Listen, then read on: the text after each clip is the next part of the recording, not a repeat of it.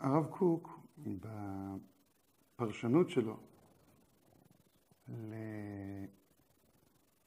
לדברי הרמח"ל על הדבקות, בא ואומר שיש משמעות לדבקות לא רק במובן הפרטי של האדם, האם אני דבק או לא דבק. דבקות מוחלטת זה הכשרת העולם כולו להיות דבק. ואם יש חלק אחד בעולם שנשאר אה, חול, זר, חלול, כמו חילול השם, כן, זה משהו שהוא פנוי כביכול מהשגחתו של הקדוש ברוך הוא, מחפץ השם בעולם. כוח חיים שמתנגד, כן, להופעה האלוקית, עדיין אין דבקות.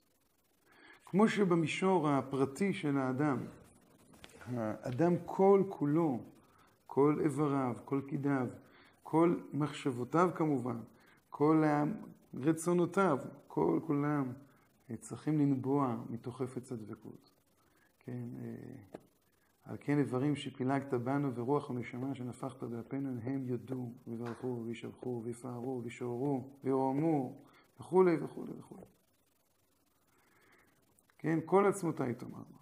אז כמו שבאדם הפרטי זה ככה, זה צריך להיות בעולם כולו. ולראות את נפלאותיך שבכל עת, לראות את ניסיך שבכל יום ויום עמנו, כן, לראות את ה... כן, נתת נס להתנוסס, לראות איך כל המציאות כולה מאירה מכבודו. כן, לראות את הדור נאה זיו העולם. ומתוך זה לבנות את, ה, את הדבקות, ומתוך זה גם לבנות את התביעה הגדולה שלנו לבניין, לתחיית המתים. אי אפשר אם אנחנו מוותרים על חלק בעולם. אי אפשר אם אנחנו באים ואומרים, הנה, העולם לא מותאם לחפץ השם. ו... אבל הקדמה כזו, אי אפשר להיות יסוד לספר מוסר מעשי. אתה מציב אידיאל, כמו שלהתענג על השם. איך אתה יכול לתרגם את המושג עונג ולהפוך אותו לעמל?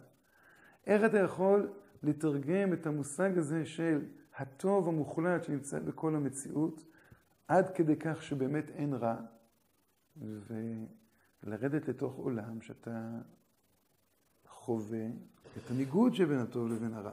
אתה חווה שאותן מחשבות עליונות, כשהן מגיעות לחיים, הן אחרת לחלוטין. אתה בא, כן, אה, למצוא את כוחות הטוב הגנוזים בתוך הרע, והרע נדבק בך, או אתה נדבק ברע, והרע פתאום הופך להיות ממשי. כלומר, אי הממשות של הרע היא מותנית לא רק בפילוסופיה, אלא ברמת חיים כזו שהיא באמת, כן, קשורה לתמצית הפנימית של החיים, שנותנת מבט אחר, ו- ואורח חיים אחר ממילא, וגובה אחר על כל החיים. אז זה צריך להיות האידיאל, הדבקות. זה צריך להיות עוד יותר מהדבקות, התוכן של להתענג על השם. ובעצם בלהתענג על השם, באנו ואמרנו, זה לא רק ה... אמרנו הסימן, המצב, זה, מצב של עבודת השם. כך מתגלה רצונו של הקדוש ברוך הוא בבריאותה. עונג פירושו של דבר לחשוף חופש. חופש שהוא טמון במציאות, ושהוא מוציא את המציאות מעיוורונה, מוציא את המציאות מכן, חלקיותה, אה, מוציא את הטוב מתוך עומק הרע. ואז כל כוחות החיים יכולים להתרחב. ואז כל כוחות החיים נתבעים להתרחב ונתבעים לגדול. אבל איך אתה מתרגם את זה ליסוד של ספר מוסר מעשי? אז לכן אומר פה, אמנם הקדמה כזאת, אי אפשר לה להיות יסוד, כמו שאמרנו, יסוד החסידות ושורש העבודה הטמאה, אי אפשר לה להיות יסוד לספר מוסר מעשי. כי אם אחרי עיבוד מרובה במעמקי התיאוריה. כלומר, להפוך את השאיפה הזו ממילים לתוכן, לתוכן כל כך גדול, שהוא מסוגל גם להתלבש בלבוש אחר, בלבוש של ניגוד בין טוב לרע, בלבוש שקודם כל בא ועסוק במציאת הטוב, אותו טוב חלקי בינתיים. במלחמה, כן, ברע ובכל גילוייו.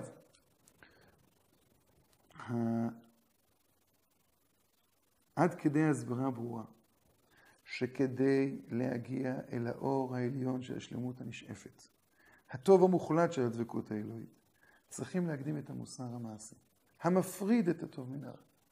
כמו שהזכרנו, שבמדרגת הפרישות אתה לא נלחם כנגד העונג, אלא אתה נלחם כנגד ההתמכרות לעונג, כנגד השיעבוד. אתה אדם יכול להשתעבד, להשתעבד לצורך שלו להיות אה, מתענג. יש פה אוקסימורון, צורך להיות מתענג הוא כבר לא התענגות, אבל לפעמים אדם הוא מתמכר לעונג, אדם מתמכר לחופש, משועבד לחופש. אדם צריך להיות חופשי, חופשי מהכל. וכדי כן, להיות חופשי אתה צריך להפריד בין טוב לרע. הרע יוצר בעולם תדמית של הכרחים. הרע גם מציג, בתוך התדמית של ההכרחים כל מיני כן, אה, אה, כן, ציורים אלטרנטיביים של עונג, ציורים אלטרנטיביים של חופש. אבל זה חופש שהוא עקוד בתוך כבלי ההכרח. זה עונג שהוא מבליח ונעלם כל רגע, כיוון שהמציאות הקיימת היא חסרת יכולת הרחבה אינסופית. כדי להגיע לעונג, כדי להגיע לחופש, כדי להגיע לאותה מדרגה עליונה של דבקות שכוללת בתוכה את הכל. צריכים להקדים את המוסר המעשי המפריד את הטוב מן הרע. אז הטוב באמת יוכל להתפשט על הכל. ושיש עסק עם היסוד הרע כעם דבר של מציאות. כ, עם כף הדמיון. כן, כעם דבר של מציאות. אתה בהכרה שלך כרגע לא חי את האין רוע בעולם. אתה חי, חווה את הרוע. כן, אדם שיבוא לברך היום, הטוב והמיטיב על אסון, הוא לא קורא טוב את המציאות. העולם הרגשי שלנו לא נמצא עכשיו בעולם של הטוב והמיטיב, במציאות של רוע. והחוויה הרגשית היא חוויה של אמת. בתוך המציאות הזמנית שלנו. בלי החוויה הזו אנחנו נבוז, נבוז לה, להתרוממות, נבוז להשתכללות, נבוז להתעלות. נהיה בעצם, כן, כל הזמן אנשים קטנים. כדי לגדול, כדי שהטוב יוכל להתפרץ ממסגריו, אתה צריך להפריד בין טוב לרע. ומזה באים לאור העליון של הדבקות האלוהית העליונה, שהוא תכלית הטוב, שרואים על ידי האספקלריה המאירה הזו את כיליון הרע במציאות ואפסותו המוחלט, המוחלטה למפרע. רק אז אפשר להסתכל באספקלריה המאירה, בנבואתו של משה רבנו. רק אז אפשר לראות איך באמת דווקא השיטה הזו, שלכאורה היא עובדת הפוך. לכאורה היא באה ואומרת, בואו, כן, נפריד, יש טוב, יש רע, אבל לפני רגע אמרת לי דבקות, תתענג אל השם. איך פתאום אתה מציג לי פתאום רע כמשהו מאוד ממשי שצריך להיזהר ממנו? כן, אם אתה לא תיזהר מהרע, אתה תדמיין שאתה בטוב. אתה תדמיין שהטוב הזה מתפשט על הכל, ובאמת מה שמתפשט זה הרע. הרע כמציאות הוא מותנה, כן, הוא מותנה בהכרה שלנו אותו. אבל זה לא אם אנחנו נחליט שאין רע, אז אין רע. אם נחליט שהכל טוב, אז הכל יהיה טוב. אם נחיה את זה שהכל טוב, אם נרום את החיים שלנו למדרגה הזו, אז באמת הכל יהיה טוב. והמוסר המעשי עוסק באיך להרים את החיים למדרגה העליונה הזו. שלום.